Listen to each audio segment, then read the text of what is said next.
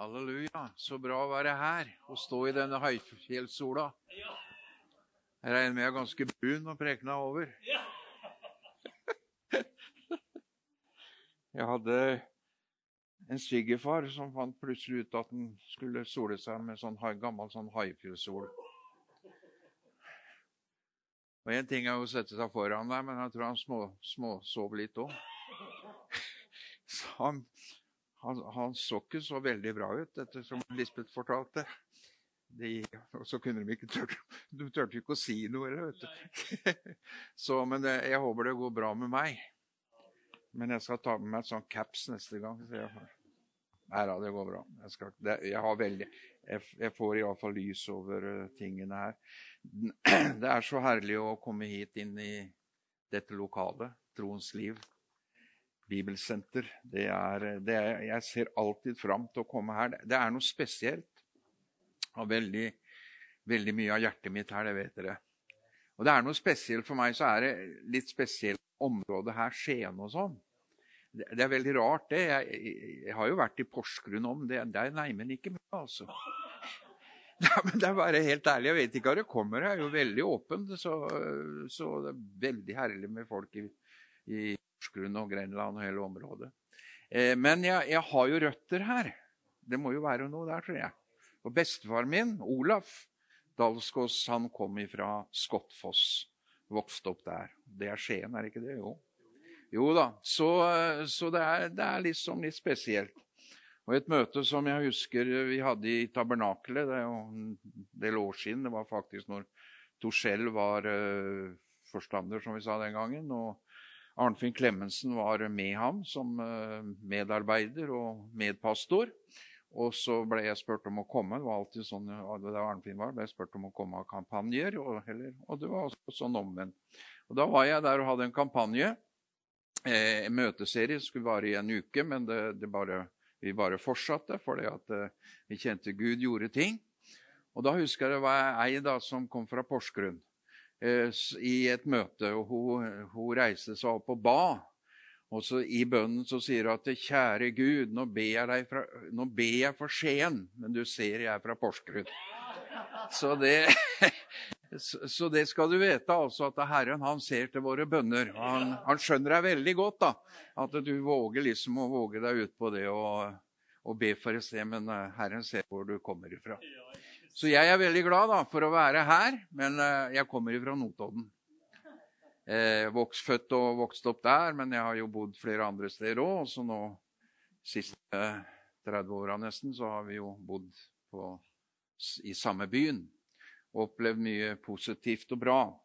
Jeg fikk eh, Jeg tror jeg fikk et budskap, et ord, for noe, litt tid tilbake som jeg har delt litt. Jeg kjente at Herren han, han la på meg at eh, når jeg preker dette budskapet her, så skal jeg være frimodig og også vitne eh, når det legger seg sånn, også vitne fra mitt eget liv. Og jeg, eh, jeg har jo jeg har jo holdt på noen år, og da, det er ikke sånn at jeg skal stå her og mimre i kveld, altså, for det, det, det skal jeg ikke gjøre. Men jeg bare kjenner at det, det er noe som En sånn setning, et, et, ord, som vi har sikkert hørt mange ganger, og det har jeg hørt. Jeg har sikkert preka over det om. Men eh, så kommer dette her, kom dette her så veldig sterkt for meg. Så jeg delte dette i Betesta Heddal. Jeg preka der, i den menigheten som jeg var pastor i 14 år, som jeg slutta i for noen fem, fem år siden. År. Og jeg kjenner at her, her, er en, her er det en vei, her er en tråd som jeg ønsker å dele med dere. Så vi skal faktisk slå opp i en av profetene, profeten Zakaria. Og vi skal lese der fra det fjerde kapittelet og fra det første verset der. Zakaria 4 fra 1. Engelen som talte med meg, kom tilbake og vekte meg som når en mann blir vekt opp fra sin søvn. Han sa til meg, Hva ser du? Jeg svarte, Jeg ser det er en lysestake av gull helt igjennom. På toppen er det en skål Det er sju lamper med sju rør til sju lampene på toppen. To oliventrær ved siden av den, ett på høyre side av skålen og ett på venstre siden. Så tok jeg ordet og sa til engelen som talte med meg, Hva er dette, min herre?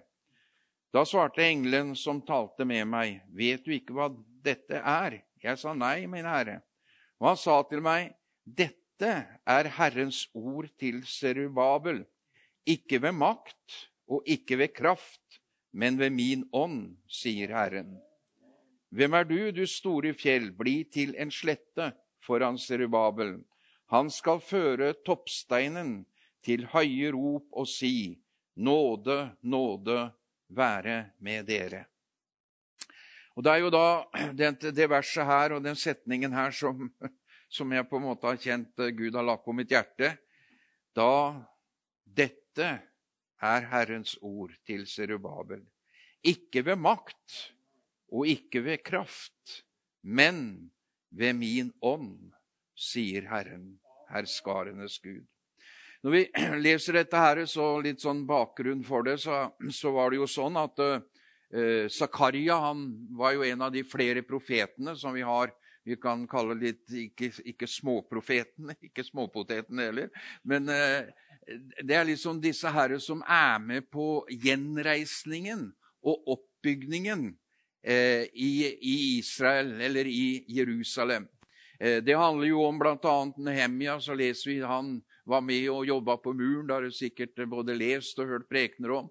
Og vi leser om de, de ulike andre, øh, også Ester og mange som, som, hadde en veldig betydning gjennom at Gud kom og talte til dem gjennom profetene hva de skulle gjøre for noe.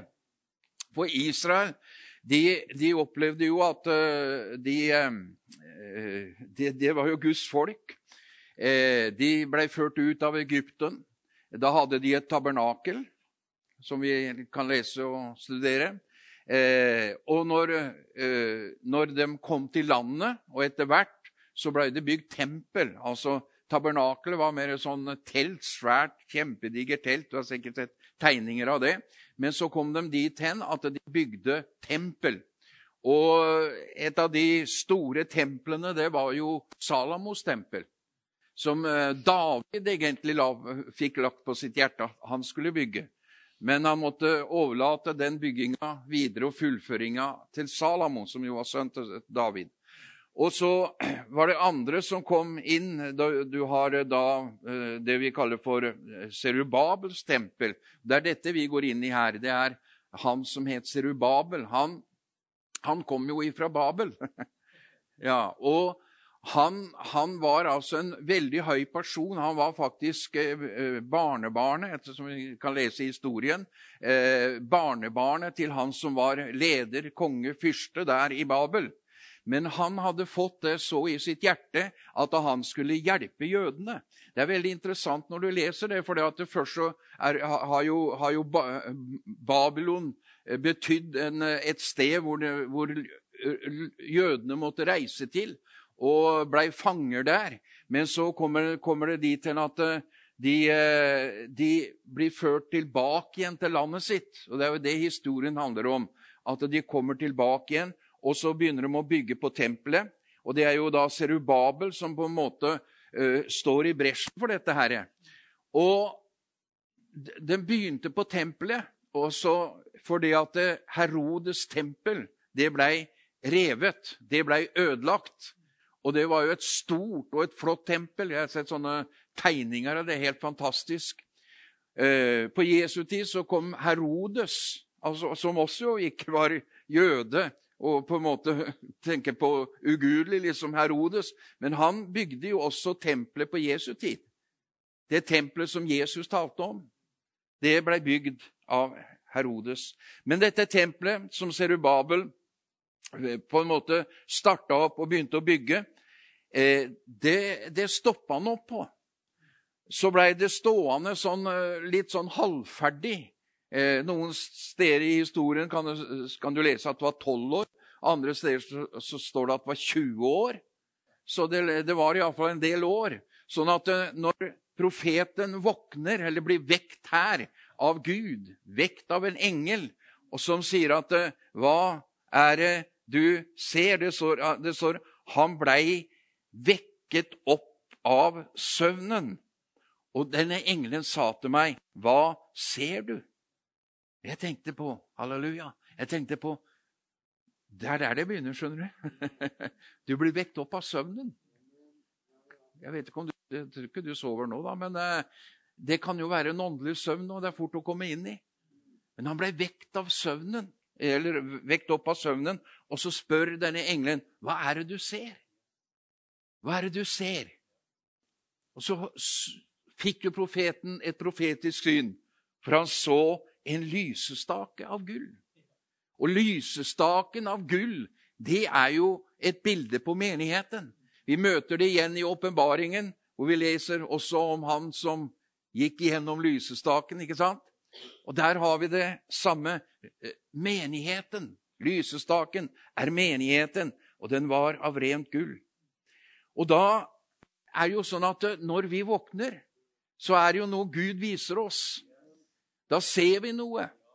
Og veldig ofte så, når man våkner av en åndelig søvn, så ser man noe av det som er det viktigste for oss.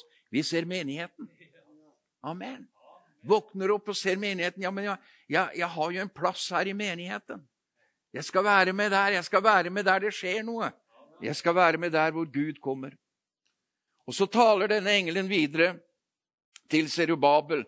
For Serubabel han, han fikk også det ordet her, hvis vi leser videre i, i, i kapitlet, så, så, så, sier Gud til Serubabel det er du, det er du som skal fullføre dette verket.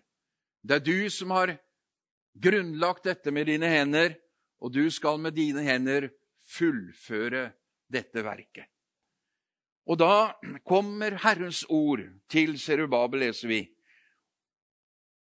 Og han hørte Herrens ord si, ikke ved makt og ikke ved kraft, men ved min ånd, sier Herren, herskarenes Gud.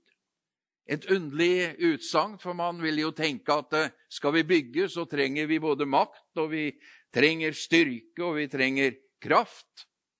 Men det det betyr, og det Gud sier, det vil si ikke menneskelig styrke eller ressurser. Jo, vi trenger eh, mennesker. Vi trenger menneskelig styrke. Vi trenger ressurser. Det er klart vi gjør det. Men det er ikke der vi på en måte har løsningen. Det er ikke det som er det viktigste. Jo, vi trenger alle. Vi trenger ressursene. Men samtidig så er vi så avhengig av dette budskapet. Ikke ved kraft, ikke ved makt, men ved min ånd. Vi er så avhengig av ånden. At det er ånden som får gjøre verket. Og det er det jeg kjenner eh, jeg har lagt på mitt hjerte her i kveld. Det er å bare si ganske enkelt noe vi sikkert har hørt mange ganger og kjenner til. For Gud ga meg tre ting som eh, er, og som Eh, virker når Den hellige ånd kommer. Når vi kjenner det at det er ikke, det er ikke vi. Vi, kan, vi. vi, er jo veldig flinke, vi mennesker. Og, og, du kan jo komme inn i menigheter og menighetssammenheng hvor de er så dyktige på alt. Det er dyktige predikanter, dyktige musikere, det er dyktige, dyktige og masse, masse. Og, og det er bra. Men samtidig så er det viktigste det er Den hellige ånd og Den hellige ånds nærhet. At vi kjenner den og at vi merker den. Og da var det tre ting som eh, kom opp i mitt hjerte. Og da, Det finner vi i Paulus andre brev til Timoteus, og det er veldig kjente ord for oss. I det første kapittelet, vers 6, så står det Derfor minner jeg deg om å vekke Guds nådegave til live igjen. Revansj. Den som, er, den som er i deg, ved at jeg la hendene mine på deg. For Gud har ikke gitt oss en motløshets ånd, men kraften, kjærligheten og sindighetens ånd. Og Når du leser i uh, disse herre profetene, så vil du se at det var noe som de kjempa med igjen og igjen. Og det var svakhet, det var motløshet, det var frykt, det var kamp osv. Men når Gud kommer, så sier han, 'Jeg har ikke gitt dere en ånd av frykt. Jeg har ikke gitt dere en ånd av motløshet. Jeg har gitt deg kraften. Jeg har gitt deg kjærligheten. Jeg har gitt deg sindighetens ånd. Og Jeg kjente Herren, Herren talte til meg om det. Og, og aller først så, så sier Paulus her jeg har gitt, og Gud har gitt oss kraftens ånd. Amen. Den hellige ånd, det er kraftens ånd. Og Jesus sa det til disiplene før han reiste fra dem. Han hadde gitt dem befalingen at de skulle gå ut i all verden og gjøre alle folkeslag til disipler osv. Og, og um, de var jo veldig ivrige på når dette skulle skje. Og de spurte jo Jesus når skal det skje, Jesus? Når uh, kommer du til å reise riket for Israel? Vi, vi, vi, vi, blir vel med på det. Så sier Jesus det tilkommer ikke dere å vite det. Men dere skal få kraft i det Den hellige ånd kommer over dere. Og dere skal være mine vitner i Jerusalem og like til jordens ender. Dere skal få kraft i det Den hellige ånd kommer over dere. Og da kjenner vi til hva som skjedde på pinsedag, da Den hellige ånd falt over disiplene og alle de andre 200-300 som var til stede. Og de blei alle fylt med Den hellige ånd. Den hellige ånds kraft. Og jeg, jeg, jeg, sier det at jeg er så glad for, og jeg er så takknemlig for, at jeg fikk oppleve Den hellige ånds kraft som en kristen. Eh, det er kanskje rart å si det, da, men jeg er veldig glad for at jeg, jeg liksom havna på et pinsemøte jeg jo, ble jo frelst i Metodistkirken og takker jo Gud for metodistene på Notodden den gangen, som, eh, som meg, tok imot meg og hjalp meg, så jeg blei en kristen. Kommer litt tilbake til det. Men så kjente jeg, og plutselig så hørte jeg om at det finnes noe mer. Og jeg var i siviltjeneste nede i, eh, nede i Våler i Østfold. Og eh, jeg var sammen med to gode venner, pinsevenner. og de sa må bli med oss på møte. Og det var på møte, et møte i Vestby. Ja da, jeg skulle være med der. Og jeg blei med. Og det var to ting som skjedde, som jeg fikk oppleve i det møtet. Det ene var at jeg, der, der, så jeg kona mi for første gang. hun sto sang i ungdomskoret i Philadelphia Moss med hatt. Henning. Det var viktig. Og Ja, men hun var fine, skal jeg si dere. Hun var fin. Og, men det visste ikke jeg at det skulle bli kona mi, altså. For vi kikka jo på alle jenter den gangen. men hvem var den utvalgte? Det var det som var det spennende. Men det var en herlig predikant som preka det, som heter Carl Ferger. Han, han og, og Gåleskjær ble jo kjent på den tida der. Han var en sånn kraftpredikant, altså.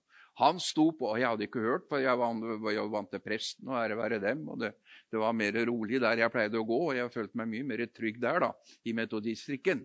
En gapa ikke så veldig der, vet du. Men så, så talte han, og han talte om, om Sadrak Medak Avenego i ildånden. Og den, den, fjerde som var der, ikke sant? I ildånden. Så du, du, du glemmer ikke sånne prekener som du var inne på. Og etterpå så kom han blant annet og så begynte å snakke med meg. Og så sa han, 'Er du døpt i Den hellige ånd?' sa han. Og når en gang han sa dåp, så gikk jeg i forsvar. vet du. Og jeg tenkte at disse pinsevennene skal, skal ikke få døpe meg. Nei. Men så forklarte han det, hva dåpen i Den hellige ånd var for noen ting. Og da kom det en sånn lengsel ned i meg.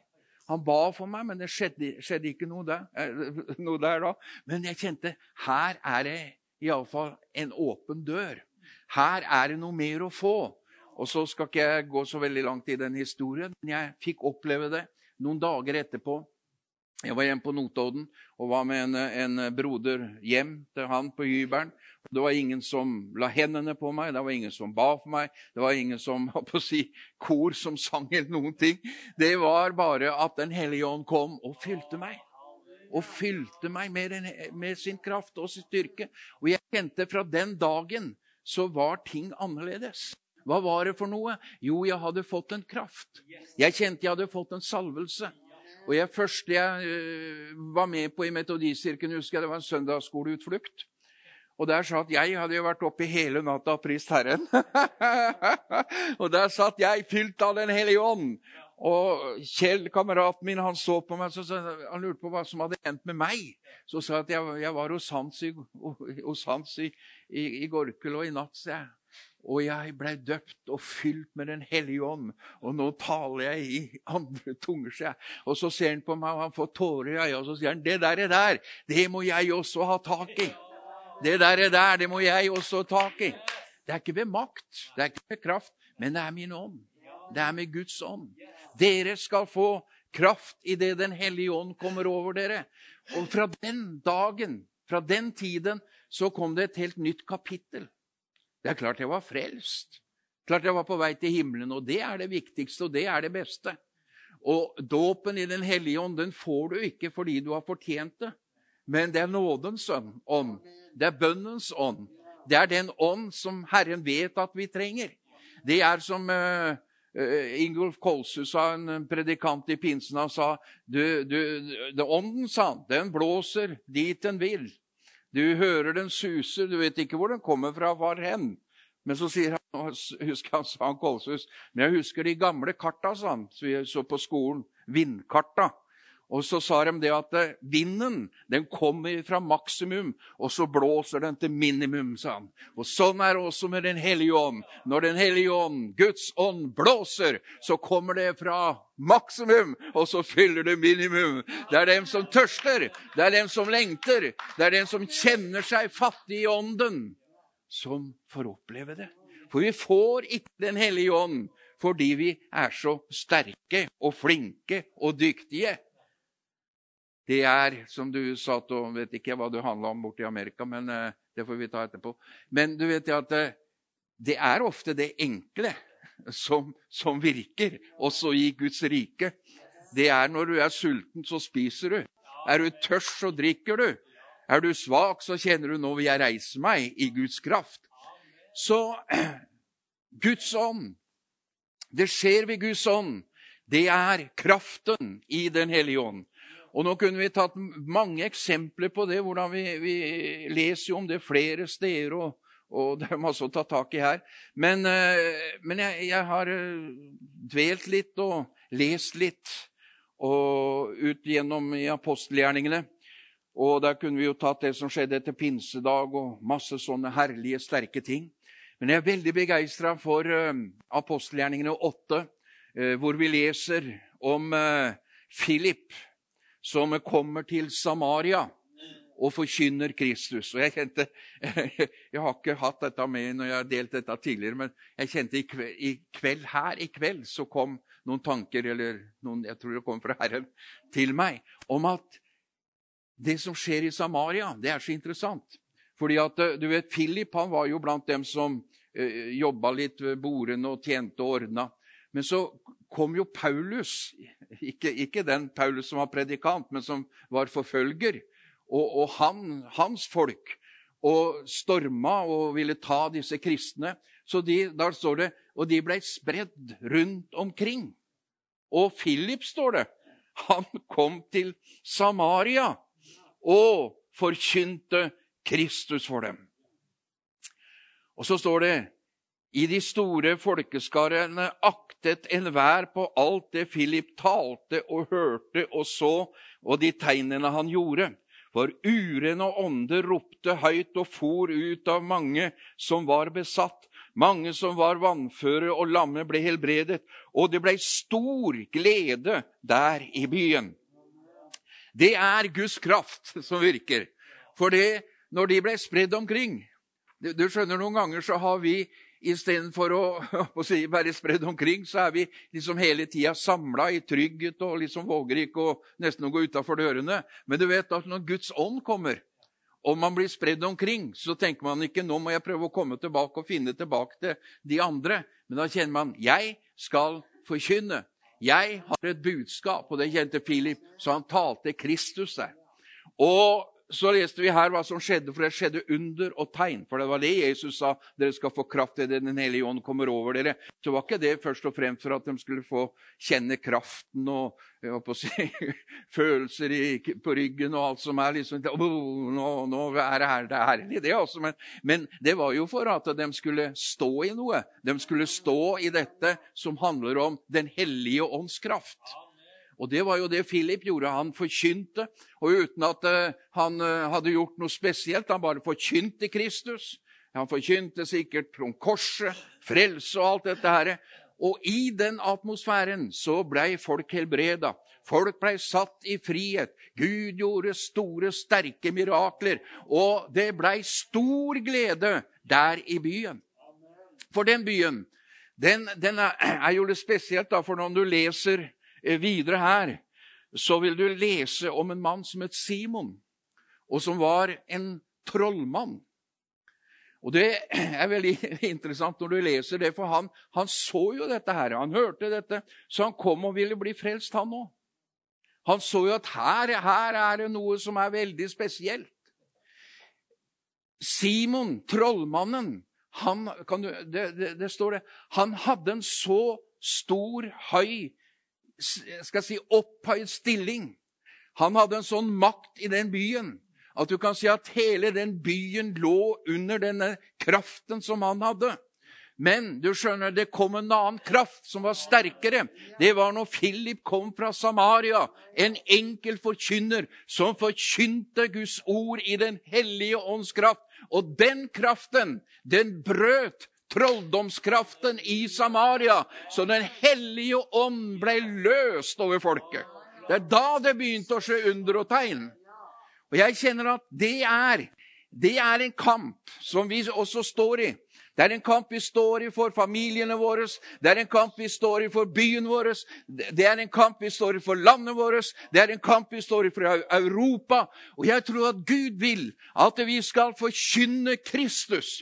For det ligger ikke der at vi skal begynne å kjempe mot noe trolldomsmakter. Det er ikke det det handler om. Men vi skal frimodig, ved Den hellige ånds kraft, forkynne Kristus i forventning på at han gjør verket. For det sterke som skjedde her, det var at de brøt denne trolldomskraften. Og han, for han, han så, for det, det står videre her, at Peter og Johannes de hørte jo at Samaria hadde tatt imot Guds ord, så de reiste jo ned der for å se på dette. Og da så de jo hva som skjedde, at mennesker ble frelst. Mennesker ble helbredet. Og så eh, ble de begynt å, eh, De hadde jo døpt disse som hadde blitt frelst. da. Men så spør de har dere fått, har dere fått Den hellige ånd nå. Har dere fått Nei, så, nei vi, er, eh, vi, er, bare døpt til til Jesus. da. Vi har blitt døpt til det. Ja er, ja, er, det noe mer? Ja, det er noe mer. Og så står det Og de la hendene på dem. Og når de la hendene på dem, så kom Den hellige ånd over dem og fylte dem. Og det er veldig interessant, fordi at eh, de sa det at vi, vi, vi har blitt frelst, kan du si, litt sånn fritt oversatt. Vi har jo blitt døpt, men vi har ikke fått Den hellige ånd over oss. Amen. Jeg håper, jeg håper, jeg har et budskap til deg som både er frelst og døpt. Det kan hende at du trenger å kjenne Den hellige ånd kommer over deg. Herrens salvelse kommer over deg. Det er nemlig salvelsen som bryter åket. Amen. Så du skjønner at dem la hendene på, på folket. Og da ble denne trollmannen Simon ble, han kom med penger og, og ville kjøpe det. Men da sier Peter ifra at pengene dine er sier jern. Du kan ikke kjøpe dette for penger, for det er bare av nåde alt sammen. Men han, han, han ber jo om at eh, de må be for han osv. Men denne historien forteller meg at der hvor Guds ånd kommer, kommer over folket. Vi hadde en prest på Notodden eh, for noen år siden nå. Vi hadde fellesmøter. Og han, eh, han var jo en, en god, god, prest på mange måter. Han var veldig folkelig og åpen og sånn. Og eh, jeg husker vi hadde da, I forkynneringen så hadde vi bønnemøter på en formiddag. Det var faktisk Arnfinn, Arnfinn Klemetsen som var der og preka disse fellesmøtene. Og så, ja, så skulle vi be for hverandre òg, da. Og så sa jo han må be for meg. Og vi, la hendene på å be for ham. Og plutselig så kommer Guds ånd over ham. og han blir fylt med Den hellige ånd. Og han begynner å tale i tunger. og så sier han Og så gikk det ei tid, og han ble jo så begeistra for dette her. Den opplevelsen. For du blir det, vet du. Det er klart det. Så han sa det at plutselig så så jeg det. Den hellige ånd, den er i meg. Den er i meg. Er du frelst, er Den hellige ånd i deg. Den hellige ånd er i oss. Vi har fått barnekår og sånn, alle sammen. Den er der. Men så sa han Men plutselig så så jeg du må huske på at Er du prest i Den norske kirke, så har du iallfall studert teologi i minst seks-sju år. Men eh, det enkle er ofte det beste. Så sa han 'Jeg så noe', sa han. og hva da? Jo, han sa 'Jeg så Den hellige ånd er i meg'. Den hellige ånd er hos oss. Men Den hellige ånd kan komme over oss. Og Den hellige ånd kom over meg, sa han. Og Den hellige ånd fylte meg. Halleluja! Amen! Du skjønner, det skjer ikke ved makt. Det skjer ikke ved kraft. Men det skjer med min ånd, sier Herren. Den hellige ånd er åndens kraft. Kraftens ånd. Takk og lov. Født av ånden, fylt av ånden, lever i ånden, tjener i ånden. Kraftens ånd. Og så sier Paulus videre kjærlighetens ånd. For Den hellige ånd, den, den er en, det er en kraft, det er en virkelighet. Men Den hellige ånd, det er også kjærlighetens ånd. Paulus underviser, vi kan lese i, eh, i 1. Korinterbrev 9-12-13, så kan du lese om de sterke, herlige nådegavene. Og nådegavene handler om åndens kraft. Men så sier Paulus at søk etter de åndelige gavene, og jeg skal vise dere en enda bedre vei. Og det er kjærlighetens vei. Han setter ikke det mot hverandre, men han sier at eh, du må ta gavene, som Barad sa, og så må du duppe dem i kjærlighet. Amen. For du skjønner, Den hellige ånd er kjærlighetens ånd. Galaterbrevet 5,22 så står det jo det at eh, åndens frukter er kjærlighet, fred, glede osv. Så, og alle de andre fruktene dem gjennomsyres av nettopp kjærlighet. Kjærlighetens ånd. Det er den som gjør at eh, vi kjenner at det er godt å komme sammen. Kjærlighetens ånd er den som gjør at vi åpner opp for andre som vi møter. Nå har jeg sagt veldig mye fint om pinsemøtet jeg kom på. Det som forandra på masse ting i livet mitt. Og som gjorde at jeg står her i dag, tror jeg. Absolutt. Jeg hadde ikke klart meg uten. Jeg måtte ha noe ekstra kraft. Men møtet med kjærligheten i Guds forsamling, den fant jeg i Metodistkirken på Notodden. Det, det var, begynte jo med at jeg sikkert fortalt dette før, men jeg tar det om igjen. Så, så, eh, det var jo en som fikk meg med i noe korsang der og sånn. Ungdomskor, og så ble det et mannskor, og så, så var jeg med der. Og det jeg opplevde når du tenker at jeg, Dette var jo helt ukjent for meg. Jeg hadde vel to-tre ganger vært på søndagsskolen, og det var vel nesten alt. Så var jo kristenliv veldig ukjent for meg, bortsett fra det du hørte på jula og sånt. da. Nei, og så, og så ble jeg med der og begynte å komme der på øvelser. og så når du er med i kor, så må du jo synge på møter og fester og det som var. Og der opplevde jeg i møte med de menneskene noe som jeg ikke møtte andre steder. Hva var det? Jo, det var en kjærlighet. En kjærlighet. En, ikke, ikke, ikke, bare sånn at du må komme hit og være her, liksom. Men de hadde et vitnesbyrd, mange av dem, om Jesus. Og det begynte jeg å bli veldig interessert i. Akkurat som Philip. Han forkynte Kristus. Og det er også du et vitne om. Du er et vitne om Kristus. Og jeg så mennesker, og jeg hørte dem fortelle at de hadde levd sånn og sånn, og så hadde de kommet til Jesus. Og en som var med i det koret Jeg kan se han foran meg enda. Han liten kar med sixpence og sånn. Og Han med, hadde blitt med i det koret. Og han, han var jo veldig kjent i byen, for blant annet så, så hadde han problemer tidligere da, med alkohol og masse sånne ting. Og han hadde en stor familie, og da blir det veldig prat i byen og sånn. Men han, han kom med i Metodistkirken der, og han ble med i koret. Og så husker jeg veldig godt jeg møtte han nede i byen da. Eh, og Da var jo jeg ganske ny på veien, og han var jo veldig glad da når han så meg. Så sa han 'Kom her, Willy', så, så setter du deg her. Så vi satte oss på en benk der i Hesteskoen, som heter i Notodden. Og så tok han fram sangboka som vi hadde i koret. Først én sangbok. Så sa han 'Se her', sa han. Det er, fin. det er en fin sang. Veldig fin sang. Jeg har hørt om en stad over Malmen. Litt sånn. Ja, den der er fin. Og så plutselig så putta han tilbake, så kom han med en ny sangbok. Så sa han, se her, sånn. Se her på de sangene. Og jeg, var jo, jeg var jo, ble jo så grepet av denne her vesle karen. Jeg visste hvilken rykte han hadde i byen. Men jeg så han hadde opplevd noe nytt. Han hadde ikke bare fått møtt mennesker, han hadde fått møtt Jesus. Og gjennom disse menneskene hadde han nettopp fått å finne en plass. Eh, jeg, eh, jeg tenkte, Når jeg tenker på han, så vet jeg jo det at han, han sang jo aldri solo. Og så Det var sånn i kor, og nå, nå, skal ikke jeg si at det, sånn skal det være i kor. For jeg, jeg vet at jeg, jeg, elsker jo når det er, ikke er en falsk tone i et kor. Det skal lyde klart, og alle må jo finne sin plass på en måte. Men her, det, det, var, det, var, litt sånn som i evangeliesenteret. At her er det plass for alle, altså. Kom her.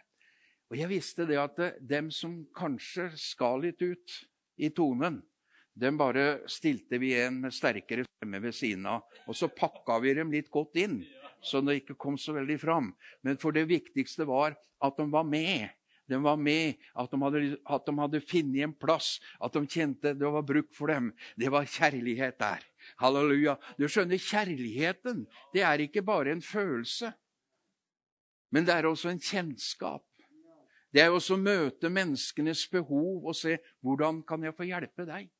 Kjærlighet, det er en åpen favn til noen du kanskje tenkte aldri skulle åpne din favn for. Kona mi Lisbeth hun vokste også opp i et litt tråkig hjem. Det jeg sa pappaen som sovna foran uh, sola her, så, uh, så, hadde hun mange tanker og sleit veldig med faren sin pga. Eh, den Ja, fordi at han tok litt mye og drakk litt mye og sånn. Men, men så, så, var det sånn at hun, hun kom aldri litt så nær innpå han. Hun holdt alltid avstand for han. Men når hun ble frelst, og det gikk ei tid det var, det var etter hun hadde treffet meg, så gikk det ei tid, og så, så, husker jeg så godt at uh, hun, hun, kom hjem. Og da sa hun at hun kjente Gud talte til henne. Og Gud sa, 'Du må møte faren din'. Og så kom, Han kom alltid ut i gangen når vi kom, og så kom han ut i gangen som han pleide. Og så ser jeg Lisbeth åpner favna, og så tar hun hendene. Og så gir hun en kjempegod klem. Og jeg så den åndsatmosfæren, den kjærligheten. Den brøyt ned alt av det som hadde vært. For kjærlighet, det er en handling. Det er at du gir. Det er at du får. Det er kjærligheten. Første Korinterbrev 13 kjenner du, og det kan du jo studere og lese. Der ser du eh, masse om kjærlighet. Nå skal jeg ta det siste punktet, så skal jeg snart være ferdig. For Paulus sier kraftens ånd, kjærlighetens ånd. Og så står det også om sindighetens ånd.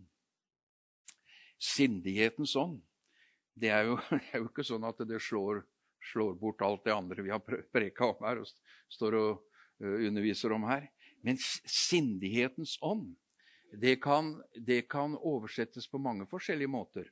Eh, det kan oversettes med både karakter, og det kan oversettes eh, bl.a. med det som jeg vil bare stanse to-tre minutter på. Det er Jeg ser det også som en balanse. Kjærlighet, kraft, sindighet, åndelig balanse. For du vet, du kan, du kan ha en stor båt, og du kan ha et seil, og du kan ha, ha vind som drivkraft, og kjenner du seiler av gårde. Men hvis du ikke har en kjøl med tyngde på, så blåser det veldig fort av gårde. Og det går veldig dårlig, og det bør ikke være ha meget i kjemi for å skjønne det. Så, så, sindighet Vi kunne tatt mange ting her, men jeg tror det handler om fornyelse av sinnet vårt. Forny, altså fornyelse av tankene våre. Eh, det er jo der på en måte gudstjeneste, vår gudstjeneste ligger. Jeg, jeg tror det at eh, vi er, kan jo si at i kveld så er vi på en gudstjeneste. Vi er på et møte og sånn, og vi, vi hører, synger og vi, pre, vi preker, si, og vi, vi, vi, opplever ting. Men i Rombrev 12 så taler Paulus nettopp om dette her med når vi kommer sammen.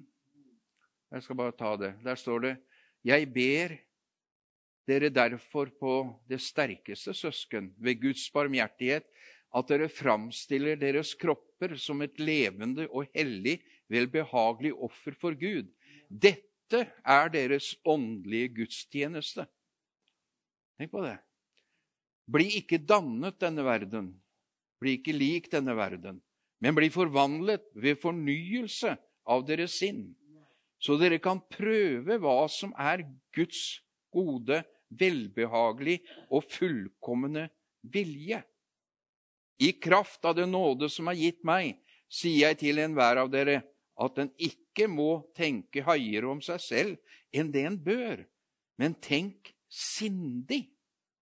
Alt etter som Gud har tildelt hver enkelt et mål av tro. For vi er alle lemmer på samme kropp, og alle, og alle har ulike funksjoner osv. Så, videre. så det, det handler om sindighetens ånd. Den hellige ånd den hjelper oss til å ha balanse.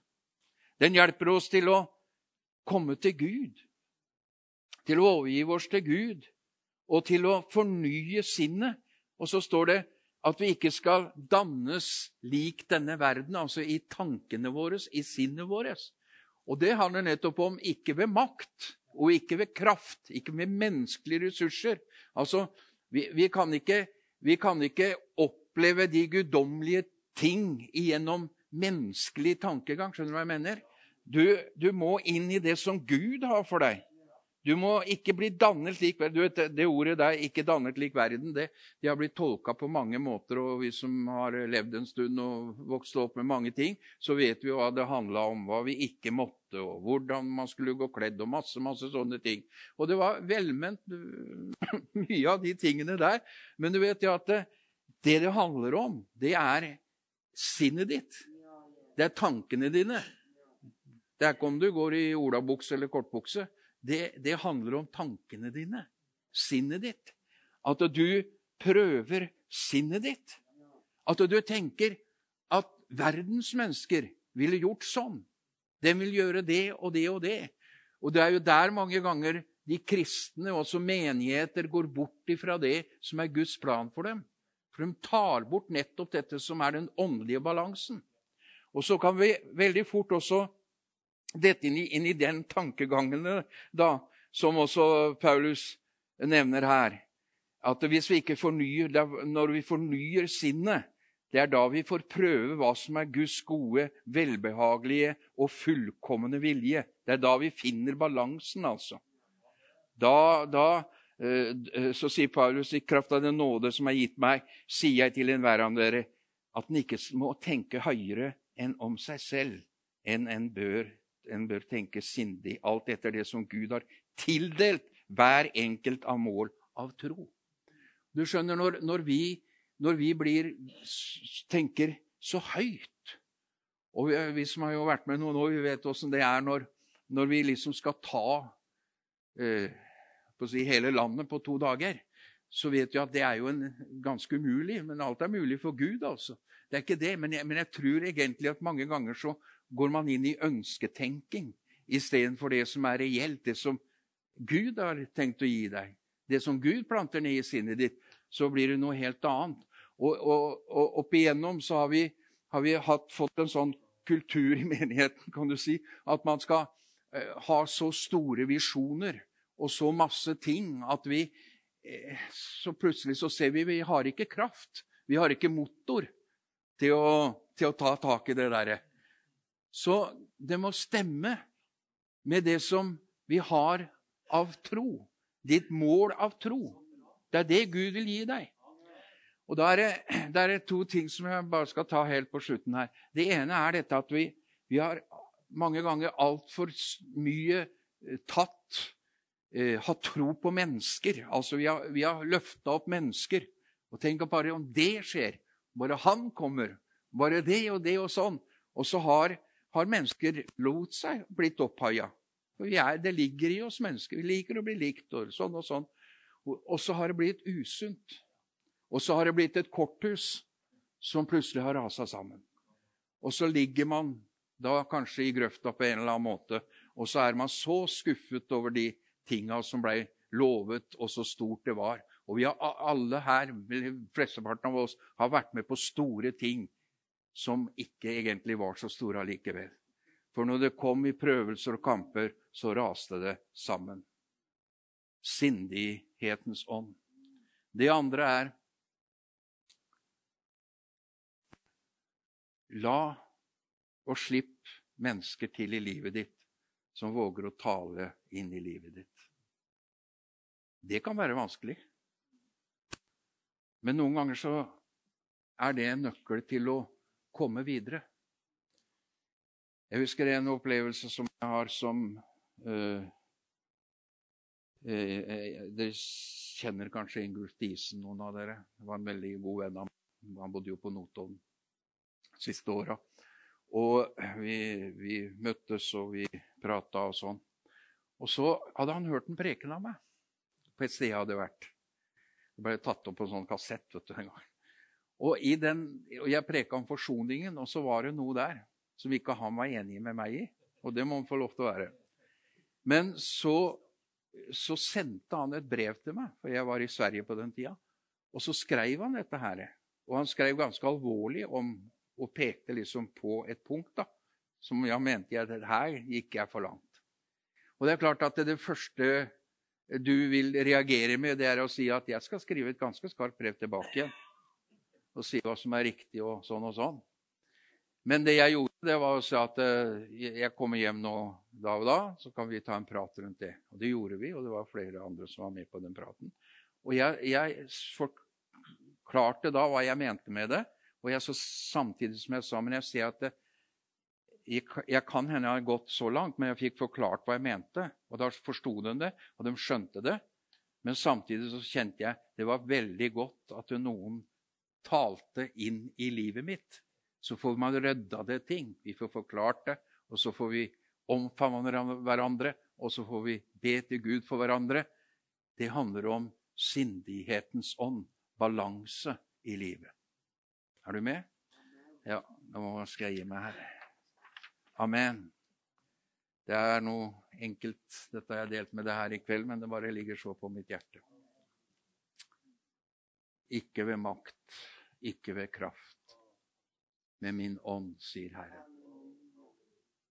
Halleluja. Den hellige ånd skal komme over deg. Den hellige ånd skal fylle deg. Den hellige ånd skal lede deg. Den hellige ånd skal styrke og gi deg ny kraft og gi deg frisk olje på ditt hode. Så du får oppleve gleden i Herren, det er min styrke. Amen. Herre, takk at vi igjen og igjen overgir oss til deg, Herre. Til ordet ditt, til din ånd, Herre. Takker deg fordi du er midt iblant oss her i kveld. Takk at vi kan rekke fram vår hånd og røre ved din kappe, Herre. Og kjenne den kraften som går ut ifra deg. Takk, Herre, at du elsker oss så høyt. At du har tro for oss. Å, jeg priser deg, far. Halleluja. Takk, å Jesus. Takk at vi skal få se større ting du også sa gjennom profeten, det samme kapitlet vi leste ifra, at vi skal ikke forringe den ringe begynnelsen. Nei, for det er du som har grunnstenen. Det er du som har toppstenen. Det er du som holder i loddsnoren, Herre, så vi får balansen. Jeg priser deg. Takk at du møter oss i kveld. Du bare legger resten og alt i dine hender, Herre. Du vil møte oss i ditt navn. Amen. Amen.